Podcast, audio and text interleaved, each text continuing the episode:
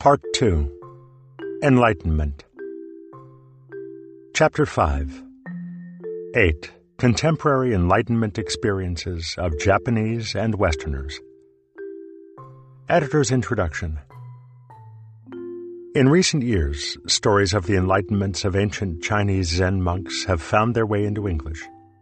While their laudable aim is to inspire and instruct modern audiences, paradoxically, they often have the opposite effect.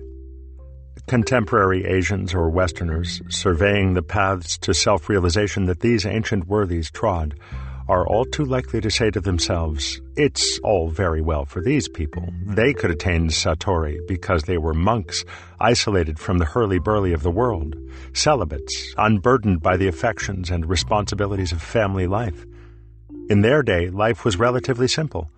Theirs was not a highly organized industrial society, making insatiable demands on the individual. The spirit of their day and mine is vastly different. What meaning can their enlightenment have for me? No such objections can be raised to the following eight accounts.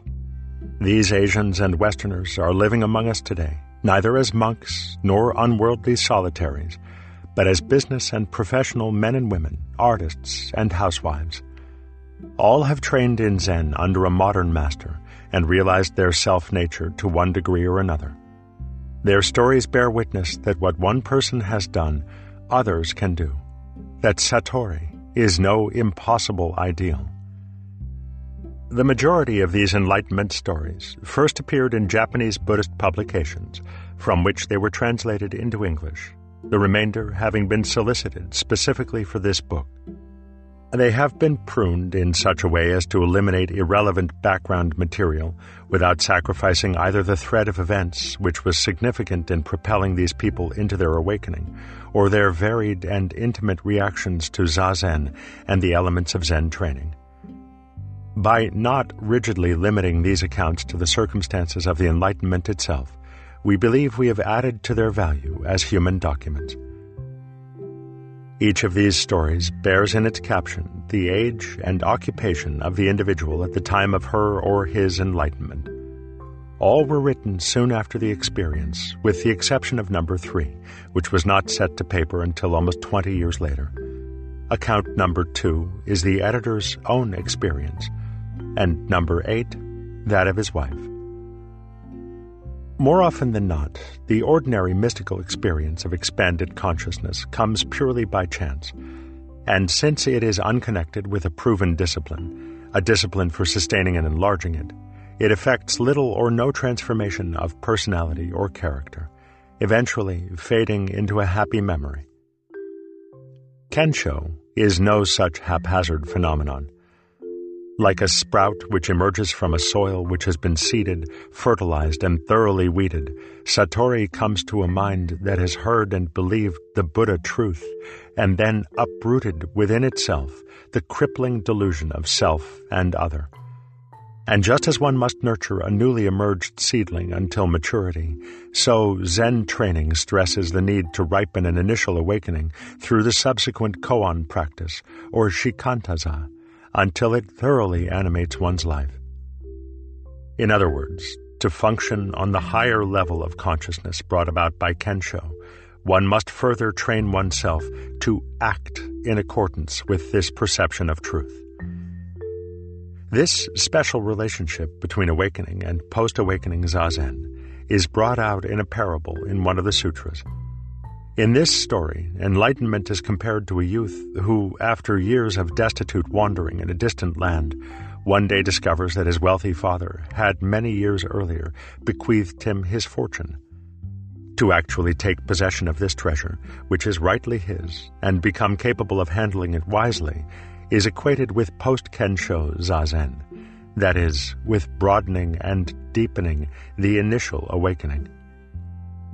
The perceptive reader will observe that these enlightenments vary in their clarity and depth, that some individuals in Zen parlance have actually taken hold of the ox, while others have barely seen its tracks. Although examples can be found of profound enlightenment having been attained after only a few years' exertion, and of shallow kensho having resulted from a lengthy effort at zazen, In the majority of cases, the more extensive the zazen prior to awakening, the more wholehearted and pure, the broader and firmer the enlightenment which follows. What manner of people were those who, like the carp in the Chinese fable that leapt up the waterfall in a mighty thrust to become a dragon, could rise to a higher level of consciousness, to a wholly new awareness of the indivisibility of all life and the basic emptiness of all things? Certainly none was gifted with extraordinary intellect, nor were any endowed with supranormal powers. Suffering they had each known, but it was no more than what is experienced in the lifetime of an ordinary person. If they were exceptional in any way, it was simply in their courage to go they knew not where, by a road they knew not of, prompted by a faith in their real self. Seekers who fail to find are still entrapped by their illusion of two worlds one of perfection that lies beyond, of peace without struggle, of unending joy, the other, the everyday meaningless world of pain and evil, which is scarcely worth relating oneself to. Secretly, they long for the former, even as they openly despise the latter. Yet such people hesitate to plunge into the teeming void, into the abyss of their own primal nature, because in their deepest unconscious they fear abandoning their familiar world of duality for the unknown world of oneness, the reality of which they still doubt. The finders, on the other hand, are restrained by neither fears nor doubts. Casting both aside, they leap because they can't do otherwise. They simply must and no longer know why. And so they triumph. The bulk of these enlightenments came in Sesshin, a vehicle of spiritual discipline whose exact counterpart can be found nowhere in Buddhism except Zen. Sesshin, in one form or another, goes back to the time of the Buddha, when monks would train themselves in seclusion during the several months of the rainy season. The purpose of Sesshin, as the word implies, is to enable one to collect and unify one's normally scattered mind in order to focus it like a powerful telescope inward in order to discover one's true self nature. During Sesshin, the basic teaching devices and methods of Zen, that is, Zazen, Teisho, the formal commentary, and Dokusan, private instruction, are coordinated into a meaningful whole during seven days of seclusion. Kensho is not, of course, confined to Sesshin. But since Sesshin is unquestionably its most potent incubator, the progressive steps involved in this unique form of mind maturation are worth describing at some length if the audience is to have a clear insight into this incubation process. In a monastery, Sesshin actually begins with certain ceremonies the evening before formal zazen begins.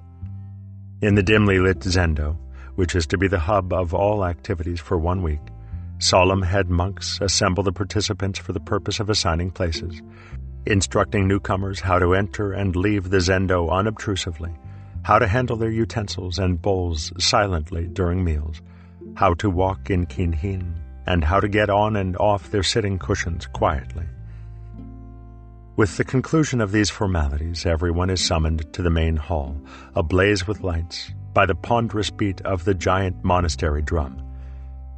Dressed in formal sitting attire, the participants line up in two rows facing each other across the hall, kneel in the traditional Japanese posture, then bow to each other as a sign of mutual respect and identification with one another's aspiration.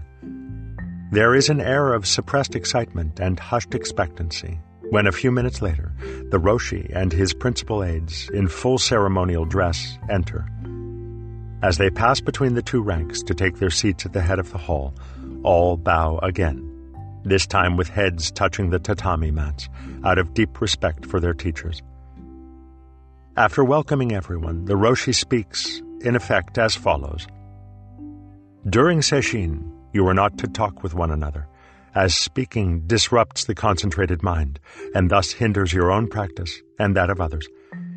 Each must devote himself single mindedly to his own zazen to the exclusion of everything else, including a concern with his neighbor's problems.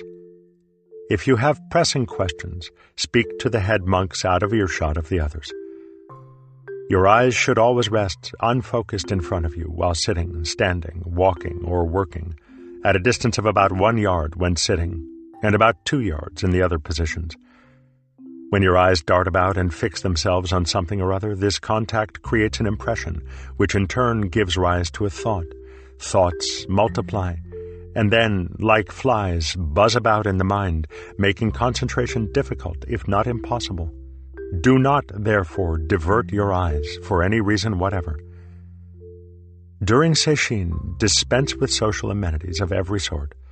Don't greet one another good morning or bid one another good night, and don't compliment or criticize each other. Further, you mustn't make a point of stepping aside to allow others to go ahead, nor should you push ahead of them. In all your activities, you should move neither hastily nor sluggishly but naturally, like flowing water. It is advisable in Sesshin to eat no more than half of what you normally eat, and if you follow this caution, your zazen will be more effective. However, zazen is not asceticism, and it is unwise to abstain altogether from food, as your mind might become disturbed by pangs of hunger, or you might find yourself becoming too weak to do zazen. If you have no desire to eat during certain meals because you are striving particularly hard, you may, of course, refuse food. Do not eat too rapidly or so slowly that everyone has to wait for you. Ideally, all should finish at approximately the same time so as not to upset the established rhythm of the Sesshin. Be careful not to rattle your bowls when you uncover them and when you put them away, and munch the pickled radishes as quietly as possible. Such sounds often prove intrusive to beginners. For some reason, many people imagine it is more difficult for women to come to self realization than for men. On the contrary, women usually attain Kensho quicker because their minds are less prone to play with ideas than are men's. But both men and women, if they expunge every thought from their minds and become selfless, can equally attain enlightenment during one week of Sesshin. Many have done so in the past, and a few determined ones will do it during this Sesshin. Lastly, bear in mind that Sesshin is a cooperative endeavor in which there is mutual support and stimulation only if all participate jointly in Sesshin activities and do not follow their own inclinations. To indulge your own desires at the expense of this common effort is an expression of ego and hence inimical to our purpose both individual and collective. The Roshi then concludes by exhorting all to do their utmost. Tea and cakes are now served, first to the Roshi, next to the head monks, and then to those assembled. The Roshi sips his tea first and is followed by the others. Again, he is the first to eat his cake, after which everyone joins him. This ritual is not without significance. It symbolizes the joining of all hearts and minds in this common undertaking. At the same time, it is an expression of the students' confidence in their teacher, by whom they agree to be led, and of their faith in the Dharma which he expounds. This ceremony over, the Roshi and his aides depart, and once more all bow to them as before. The nine o'clock bell tolls, and everyone retires to bed. In six hours, the great venture begins. Clang, clang, 3 a.m. Sesshin's begun. Slightly dazed newcomers rub sleepy eyes, fumble with quilts. Seasoned hands alertly fold and store bedding, go to the toilet, brush teeth, dash cold water on their faces, dress, mount the tan, zazen platform in a quick movement, adjust their sitting cushions, begin zazen, no time, no effort wasted. Lethargic beginners clumsily climb onto the tan and their cushions, adjusting, wriggling, readjusting. Minutes later, the Roshi silently enters. Walking in the rear, he inspects backs, to his comprehending eye more eloquently revealing the mind's tension or slackness than the face. A sagging spine arches with the light crack of his stick Another straightens merely with whispered advice or encouragement. Each sitter, as Roshi passes by, greets him with gasho, the universal gesture of humility, respect, and gratitude. Roshi may relate to the now wall-gazing sitters an inspiring anecdote of an ancient Zen worthy or a noteworthy contemporary. After all, he concludes, he was only human. If he could awaken, so can you. Jaws grimly set, the struggle is on. Clang, clang, kinhin. Forty-five minutes have elapsed. Old timers flip off their cushions in one swirl, cat land on their feet, fall in line, and slowly circle the zendo, hands folded across chest with measured steps, concentrated mind. Clang. Kinhin finishes. Some quickly mount the tan, others head for the toilet. Clang, clang, clang. The next sitting period commences. The pungent smell of a new stick of incense drifts through the zendo. Some twenty minutes later, the Godo, Roshi's chief deputy, slips softly from the tan. He goes for the Kyosaku, symbol of Manjusri's delusion-cutting sword, resting in the shrine in the center of the zendo, under the figure of Manjusri. He grips it at each end, bows low before this zendo guardian. Silently, the Godo stalks around the zendo, appraising the telltale postures. No sound but the barely audible undertone of puffing and wheezing from novices, straining desperately with bodies instead of minds to corral stampeding thoughts. Smash! The kyosaku lands full force on a corner of the tan. A murmur like wind soughing through cornstalks sweeps through the startled, slightly frightened newcomers. Silence. A deafening silence. Slam, wham, Striking sitters whose slouching backs signal wilting minds, the Godo roars, Only fifteen minutes to Dokusan. Brace up. Concentrate. Concentrate. Don't separate yourselves a hair's breadth from your koan. You must bring Roshi an answer, not a blank. Slumped bodies shore up, the puffing and straining loudens. Clang, clang. Dokusan. Move, the Godo yells. The tension broken, all but a reluctant few eagerly race to the lineup. Do you want the truth or don't you? He barks at the laggards, jerking one or two of them from the tan and egging them on toward the Dokusan line with his kyosaku, coldly ignoring others. In most monastery and temple sesshin, the kyosaku plays a vital and often crucial role, which reaches a dramatic climax just before dokusan. The essential purpose of the kyosaku is to arouse every vestige of dormant energy in the sitters, to enable them to break through their protective shell of self-delusion and come to true self-understanding. No single element of Zen training, however, has been more vociferously criticized, none less understood, by Asians and Westerners alike, than the use of this stick. Condemned as a sadistic expression of Japanese culture and as a flagrant perversion of Buddhism. It is in fact neither. Along with Zen itself, the Kyosaku is an import from China. It is probably a hardier descendant of a small rod used even in the Buddha's day to awaken dozing monks and constructed so as to whistle when shaken beside the ear. In China, at some point, the Zen masters evidently felt their disciples needed to be stimulated with something more than pleasant sounds or an occasional slap of the hand or blow of the fist.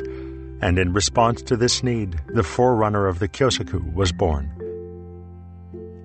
Kyosaku are made in varying sizes, shapes, and weights. Those constructed of hard wood being used in the winter when monks and laymen are heavily clad, those of soft wood in the summer when they are wearing light clothing, the end of the kyosaku that comes in contact with the body is flattened like a paddle to a width of perhaps three inches, while the handle end is rounded to permit a firm grip. In some monasteries and temples, it measures as much as four and a half feet in length. In others, no more than two and a half. The kyosaku may be applied to rouse a sleepy sitter, to enliven a weary one, or to spur on a striving one but it is never used as chastisement or out of personal pique. This is clear from the fact that the one struck raises his or her hands in gasho to express gratitude to the Godo, who in turn acknowledges this gesture with a bow, in a spirit of mutual respect and understanding. In the monastery, the heaviest blows of the kyosaku are mostly reserved for the earnest and the courageous, and not wasted on the slackers or the timid. The adage that a poor horse can't be made to run fast, no matter how hard or how often it is whipped, is well understood in the Zendo. In Soto monasteries and temples, sitters face the wall and not each other, as they do in the Rinzai sect. So Godos apply the kyosaku from the rear, at their own discretion, and occasionally without any warning. In the hands of a sensitive, enlightened Godo, able to strike when the iron is hot, or, for that matter, to make the iron hot by striking, the kyosaku is unequaled for raising one's concentrative effort to its greatest intensity. Just as a whip, sensitively used on a racing horse, can drive it to even greater speed without harm, so the kyosaku, perceptively applied to the back of a striving sitter, can, without inflicting pain, elicit that superhuman burst of energy which leads to the dynamic one pointedness of mind indispensable for Kensho. Even at less critical moments, particularly at mid afternoon or evening, when a slumping, exhausted body has slackened the mind's tautness, opening the way to invading hordes of thoughts, a well timed blow across the shoulders will knock them all from the head, simultaneously releasing unsuspected stores of energy. It cannot be emphasized too strongly that administering the kyosaku is not a matter of simply striking one with a stick. In this act, compassion, force, and wisdom are joined. In a first rate monastery or a temple, the Godo is invariably a person of strong spirit, yet with a compassionate heart. Indeed, if the kyosaku is to be a spur and not a thorn, the one who wields it must be identified with the deepest spiritual aspiration of the sitters. Well has it been said that love without force is weakness, force without love, brutality. There is no denying, however, that for those Westerners unable to disabuse themselves of the notion that beatings with a stick under any circumstances are an affront to their dignity, the Kyosaku will always remain a menace rather than a welcome goad. Dokusan is followed by sutra chanting, announced by the sharp crack of the wooden clappers. At this signal, all file outdoors along an open canopied passageway to be greeted by the first cold breath of dawn, and then proceed to the main hall. There, laymen and women take their place on one side, the monks on the other. Dokusan and two hours of zazen have brought the mind to a clarity and one pointedness, where every posture and movement of the body during prostrations and the chanting take on fresh meaning and significance. The rhythmic beat of the mokugyo, the deep ring of the large bowl shaped gong, the flickering candles on the Butsudan, Buddhist altar, and the fresh scent of incense all play their part in further whetting the mind. After chanting comes the first meal at 5:30, consisting of rice gruel, a side dish of a few vegetables, and pickled radishes. This simple fare is for the nourishment of the body, to give it strength to pursue the Buddha's way, and not for enjoyment. But one does not eat immediately. First, with the tingling of the head monk's handbell, the mealtime recitation commences with an expression of faith in the unified three treasures that is, Vairochana Buddha, symbolizing transcendental Buddha knowledge, the Dharma, or law of cause and effect, and the Sangha, comprising Buddhas everywhere. The chanting then ceases temporarily while each person removes the cloth from around the four nested lacquer bowls and chopsticks which are supplied for the sesshin and arranges them in front of his or her place. Tingling, the chanting resumes with an avowal of faith in the person and life of the Buddha Shakyamuni, in his Dharma, and in the great exemplars of his teaching, namely the Bodhisattvas Manjusri, Samantabhadra, and Avalokiteshvara, in addition to the ancestral teachers. Now the rice gruel is ladled out from a large wooden tub and the vegetables served. Before anything is touched, however, there is another round of chanting, in which each recalls that the food about to be eaten comes from the labors of many people, and that each is entitled to receive it only if one's aspiration is pure and one's effort sincere. If taken, it is to be received with gratitude, not greedily, and without preference or aversion. Now only one more ritual remains before the meal is actually eaten. Each takes from his or her rice bowl some half dozen grains of rice and places them in a special receptacle, which is passed to all for this purpose. This symbolic offering is for the hungry, unseen spirits of this and other worlds, who through their greed have condemned themselves to miserable existences. The meal, when finally eaten, is consumed in silence, so that concentration, whether on a koan, counting the breath, or on the eating itself, may continue uninterrupted. Three times in all, monk waiters come with the large tub of gruel. Those wanting more proffer their rice bowls, waiting with hands in gasho while being served. Wordlessly, they rub their hands together to signal enough. If no further servings are desired, each simply nods the head and bows from the waist, hands folded across the chest when the waiters come by. Not all heed the Roshi's injunction to eat sparingly. Those who are obviously more intent on filling their bellies than emptying their minds even take a third bowl of rice. Food once touched with the chopsticks must be eaten and not discarded. Not a scrap is to be wasted. At the conclusion of the meal, hot water is passed around, and each one, using a pickled radish for the purpose, cleans the bowls of every particle after which, if one is thirsty, drinks the water, not forgetting, however, to deposit the last dregs in a common container, passed for the same hungry spirits. The meal finishes with a chant, the substance of which is an expression of thanks for the nourishment just received, and a pledge to use this strength for the spiritual welfare of all beings.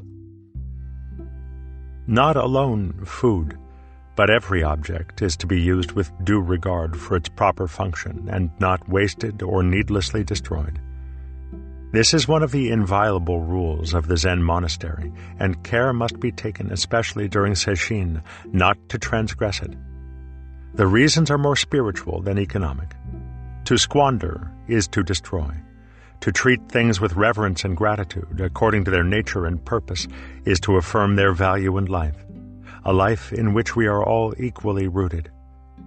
Wastefulness is a measure of our egocentricity and hence our alienation from things, from their Buddha nature, from their essential unity with us. Further, it is an act of indifference to the absolute worth of the wasted object, however humble. Thus, breaking a glass heedlessly at any time leaving a light burning when it is no longer needed, using more water than is required for a particular task, permitting a book to remain overturned after it has been studied. These are all wanton acts in the deepest religious sense and therefore harmful to our spiritual progress. For this reason, they are roundly condemned. Following the morning meal, most monasteries and temples schedule samu, physical work, which during Sesshin takes the form of sweeping, dusting, scrubbing the floors and toilets, sweeping the walks, raking leaves, weeding the garden, and working in the kitchen. Since the time when Waihai, Hyakujo, first instituted it, more than a thousand years ago, manual labor has been an essential ingredient of Zen discipline. It is recorded of Waihai that one day his monks, feeling he had grown too feeble to work, hid his gardening tools. When they refused to heed his entreaties to return them, he stopped eating, saying, No work, no eating. The same spirit was expressed in modern times by Gempo Yamamoto Roshi, former abbot of Ryutaku-ji, who died in June 1961 at the age of 96. Almost blind and no longer able to teach or work about the monastery, he decided it was time to die. So he stopped eating. When asked by his monks why he refused his food, he replied that he had outlived his usefulness and was only a bother to everybody. They told him, If you die now, January, when it is so cold, Everybody will be uncomfortable at your funeral, and you will be an even greater nuisance. So please eat.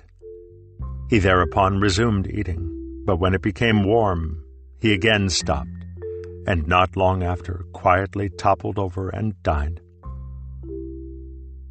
What is the significance of such work in terms of Zen training?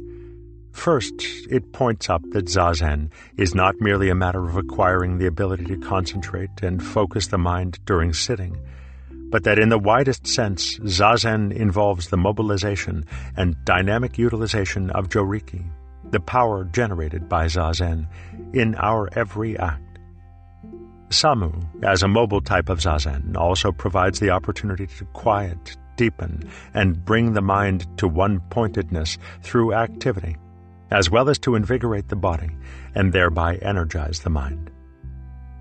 The object here, as in every other type of zazen, is the cultivation first of mindfulness and eventually mindlessness. These are simply two different degrees of absorption. Mindfulness is a state wherein one is totally aware in any situation and so always able to respond appropriately.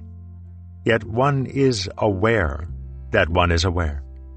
Mindlessness, on the other hand, or no mindness, as it has been called, is a condition of such complete absorption that there is no vestige of self awareness.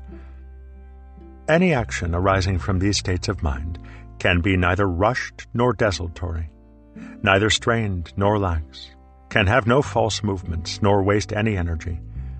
All labor entered into with such a mind is valued for itself apart from what it may lead to. This is the meritless or purposeless work of Zen. By undertaking each task in this spirit, eventually we are enabled to grasp the truth that every act is an expression of the Buddha mind. Once this is directly and unmistakably experienced, no labor can be beneath one's dignity. On the contrary, all work, no matter how menial, is ennobling because it is seen as an expression of the immaculate Buddha nature. This is true enlightenment, and enlightenment in Zen is never for oneself alone, but for the sake of all. This idea is stressed throughout Sesshin. Four times a day, in fact, at the close of the formal lecture, at the end of sutra chanting in the morning and in the afternoon, and the last thing in the evening, the four vows are recited three times in unison. All beings, without number, I vow to liberate endless blind passions I vow to uproot. Dharma gates without number I vow to penetrate. The great way of Buddha I vow to attain. Samu finished, there follows a formal talk of about an hour's length, an example of which is to be found in section 2. Then, around 11, comes the main meal of the day, usually white rice mixed with barley and supplemented by fresh vegetables and a soybean paste soup. After lunch, all but the most ardent, who continue to sit in the zendo, relax for an hour, as provided by the sesshin schedule, not forgetting, however, to absorb themselves in their koan or other exercise. With the exception of the talk and manual work, the afternoon and evening are a repetition of the morning timetable. Some monasteries and temples allow a hot bath in the afternoon or evening, and for beginners with aching legs and strained bodies, this relief is inexpressibly welcome. At four in the afternoon, a light repast, mainly made up of leftovers from the midday meal, is served. Unlike the first two meals, which are preceded by and end with chanting, this medicine is consumed in complete silence. At Hosshinji, noted for its strict sesshin, on the fourth night, and every night thereafter, beginning at eight, there is a unique discipline for combating the seductive visions of sleep, which begin to tug at the fatigued, faltering mind at this hour. With the clang of the large zendo bell, there is a sudden outburst of mooing by all who are striving with this koan. At first, weak and uncertain, this groundswell gathers depth force, and momentum under the energetic prodding of the free-swinging kyosaku of the Godo and the Godo's aides, who shout, Voice move from the hara, not from the throat.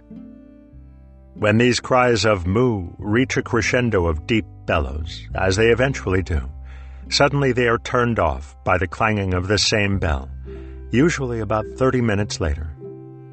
Now silent zazen resumes, but the air has become electric. Zazen ends at a quarter to nine, and the final chanting of the day follows a short sutra and the four vows, now recited with passionate intensity. With bodies and minds now bursting with energy, sleep is out of the question, and practically all participants file out of the zendo into the cool night air with their sitting cushions under their arms.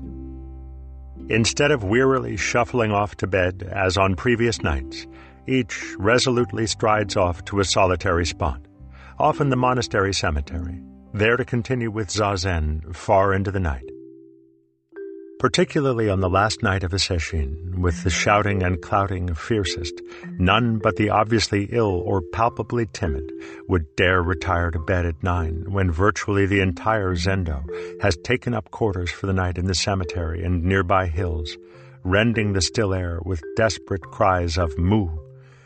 And during the severest yearly sesshin, the Rohatsu, in December, which commemorates the Buddha's enlightenment, Yaza, Zazen after 9 p.m. is the rule each night.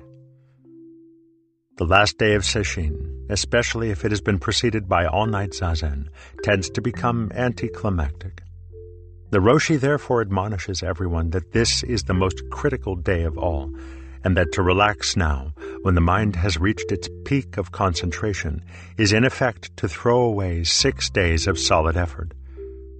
On this seventh day, the Kyosaku and its companion shouting are dispensed with, as though the Godo were saying, I can do no more. It is now entirely up to you. And after, or because of, six days of periodic commotion, this day of silent yet dynamic zazen is frequently the most rewarding. Before the formal close of a sesshin, the Roshi, addressing everyone, will say, in effect, a sincere effort at sesshin is never wasted, even though it does not terminate in enlightenment. Getting kensho can be compared to a person hitting the bullseye on the hundredth shot. Who can say that the 99 misses are unrelated to the final success? Some have come to enlightenment even during the drinking of tea, which ends the sesshin, and others on the train going home. So remain attentive at all times. Concentrate unremittingly on your koan if that is your practice. Or if you are doing shikantaza, perform every task single mindedly. Don't fritter away the joriki you have accumulated during sesshin in vain empty talk, but conserve and strengthen it through all your daily tasks. In some monasteries and temples, a special ceremony is held in the presence of all participants to permit those who have attained kensho to express their gratitude to the roshi and the head monks. The sesshin formally ends with the chanting of the Hanya Shingyo, Heart of Wisdom Sutra, and the Four Vows. Afterward, all join once more in drinking tea and eating cake to thank the roshi and the head monks, as well as each other for the aid and support received during the sesshin. In spite of the vigorous use of the kyosaku, the scrambling to dokusan, and the lively exchanges which often occur in dokusan itself, the real drama of a sesshin lies in the hours of zazen, in the solitary search into the vast world of one's own mind, in the lonely trek through the winding canyons of shame and fear, across deserts of weariness and doubt, around volcanoes of pride, and through jungles of confusion. Sesshin is a ceaseless struggle to reach that transparency of mind which ultimately leads to the wondrous discovery that the universe and oneself are not remote and apart, but an intimate, palpitating whole. Whether awakening follows or not, one cannot seriously participate in a sesshin and not return home chastened in heart, strengthened in mind, and with a startlingly fresh vision of an old, familiar world. The central theme of sesshin is sustained self-effort, for in the last analysis one is liberated not by one's fellow practitioners, not by one's teacher, not even by the Buddha, and certainly not by any supernatural being, but by one's own unfaltering, indefatigable exertions. In Zen's emphasis on self reliance, in its clear awareness of the dangers of intellectualism, in its empirical appeal to personal experience and not philosophical speculation as the means of verifying ultimate truth, in its pragmatic concern with mind and suffering, and in its direct, practical methods for body mind emancipation, Westerners will find that it is congenial to their temperament and Weltanschauung. At a time when things are in the middle and riding mankind as never before, when the tensions of fear, anxiety, and estrangement are devastating the minds of modern men and women, the fact that ordinary people, through enlightenment, can discover meaning and joy in life, as well as a sense of their own uniqueness and solidarity with all existence, surely spells hope for human beings everywhere. The Experiences 1. Mr. K. Y., a Japanese executive, age 47. November 27, 1953. Dear Nakagawa Roshi, Thank you for the happy day I spent at your monastery. You remember the discussion which arose about self realization centering around that American. At that time, I hardly imagined that in a few days I would be reporting to you my own experience. The day after I called on you, I was riding home on the train with my wife. I was reading a book on Zen by Son O, who, you may recall, was a master of Soto Zen, living in Sendai during the Genroku period, 1688 to 1703. As the train was nearing Ofuna Station, I ran across this line. I came to realize clearly that mind is no other than mountains and rivers and the great wide earth, the sun and the moon and the stars. I had read this before but this time it impressed itself upon me so vividly that I was startled. I said to myself, after seven or eight years of Zazen, I have finally perceived the essence of this statement and couldn't suppress the tears that began to well up. Somewhat ashamed to find myself crying among the crowd, I averted my face and dabbed at my eyes with my handkerchief. Meanwhile, the train had arrived at Kamakura Station, and my wife and I got off.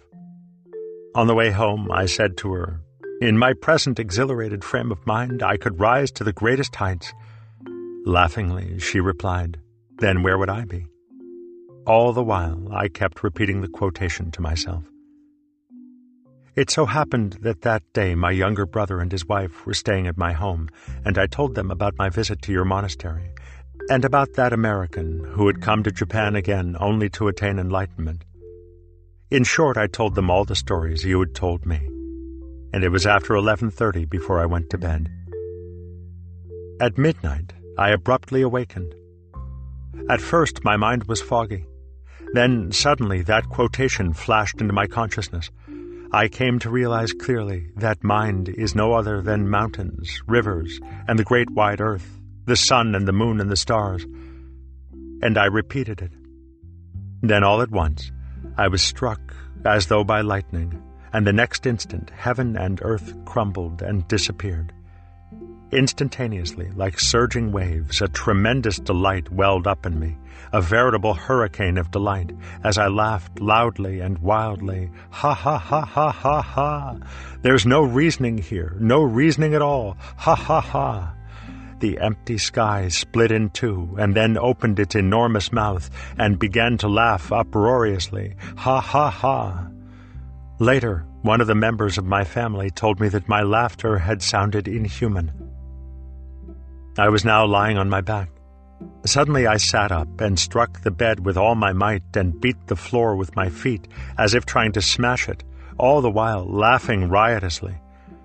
My wife and youngest son, sleeping near me, were now awake and frightened. Covering my mouth with her hand, my wife exclaimed, What's the matter with you? What's the matter with you? But I wasn't aware of this until told about it afterwards. My son told me later he thought I had gone mad. I've come to enlightenment. Shakyamuni and the patriarchs haven't deceived me. They haven't deceived me, I remember crying out. When I calmed down, I apologized to the rest of the family, who had come downstairs, frightened by the commotion. Prostrating myself before the photograph of Kannon you had given me, the Diamond Sutra, and my volume of the book written by Yasutani Roshi, I lit a stick of incense and did zazen until it was consumed half an hour later, though it seemed only two or three minutes had elapsed. Even now, my skin is quivering as I write. That morning I went to see Yasutani Roshi and tried to describe to him my experience of the sudden disintegration of heaven and earth. I am overjoyed. I am overjoyed, I kept repeating, striking my thigh with vigor. Tears came, which I couldn't stop. I tried to relate to him the experience of that night, but my mouth trembled and words wouldn't form themselves. In the end, I just put my face in his lap. Patting me on the back, he said, Well, well, it is rare indeed to experience to such a wonderful degree. It is termed attainment of the emptiness of mind. You are to be congratulated. Thanks to you, I murmured, and wept again for joy. Repeatedly I told him I must continue to apply myself energetically to Zazen. He was kind enough to give me detailed advice on how to pursue my practice in the future after which he again whispered in my ear, My congratulations, and escorted me to the foot of the mountain by flashlight. Although 24 hours have elapsed, I still feel the aftermath of that earthquake. My entire body is still shaking. I spent all of today laughing and weeping by myself. I'm writing to report my experience in the hope that it will be of value to your monks, and because Yasutani Roshi urged me to. Please remember me to that American. Tell him that even I, who am unworthy and lacking in spirit, can grasp such a wonderful experience when time matures. I would like to talk with you at length about many things, but we'll have to wait for another time. P.S. That American was asking us whether it is possible for him to attain enlightenment in one week of Sesshin. Tell him this for me. Don't say days, weeks, years, or even lifetimes. Don't say millions or billions of kalpa. Tell him to vow to attain enlightenment, though it take the infinite, the boundless, the incalculable future. Midnight of the 28th. These diary entries were made during the next two days. I awoke thinking at 3 or 4 a.m., but clock said it was only 12.30. Am totally at peace, at peace, at peace. Feel numb throughout body yet hands and feet jumped for joy for almost half an hour. Am supremely free, free, free, free, free. Should I be so happy? There is no common person. The big clock chimes. Not the clock, but mind chimes. The universe itself chimes. There is neither mind nor universe. Dong, dong, dong. I've totally disappeared. Buddha is transcending the law of cause and effect, controlled by the law of cause and effect. Such thoughts have gone from my mind. Oh, you are. You laughed, didn't you? This laughter is the sound of your plunging into the world. The substance of mind, this is now luminously clear to me. My concentration in Zazen has sharpened and deepened. Midnight of the 29th. I am at peace, at peace, at peace. Is this tremendous freedom of mind the great cessation described by the ancients? Whoever might question it would surely have to admit that this freedom is extraordinary. If it isn't absolute freedom or the great cessation, what is it? 4 a.m. of the 29th. Ding dong. The clock chimed. This alone is. This alone is. There's no reasoning here. Surely the world has changed with awakening. But in what way? The ancients said the enlightened mind is comparable to a fish swimming. That's exactly how it is. There's no stagnation. I feel no hindrance. Everything flows smoothly, freely. Everything goes naturally. This limitless freedom is beyond all expression. What a wonderful world. Dogen the great teacher of Buddhism, said Zen is the wide, all encompassing gate of compassion. I am grateful, so grateful.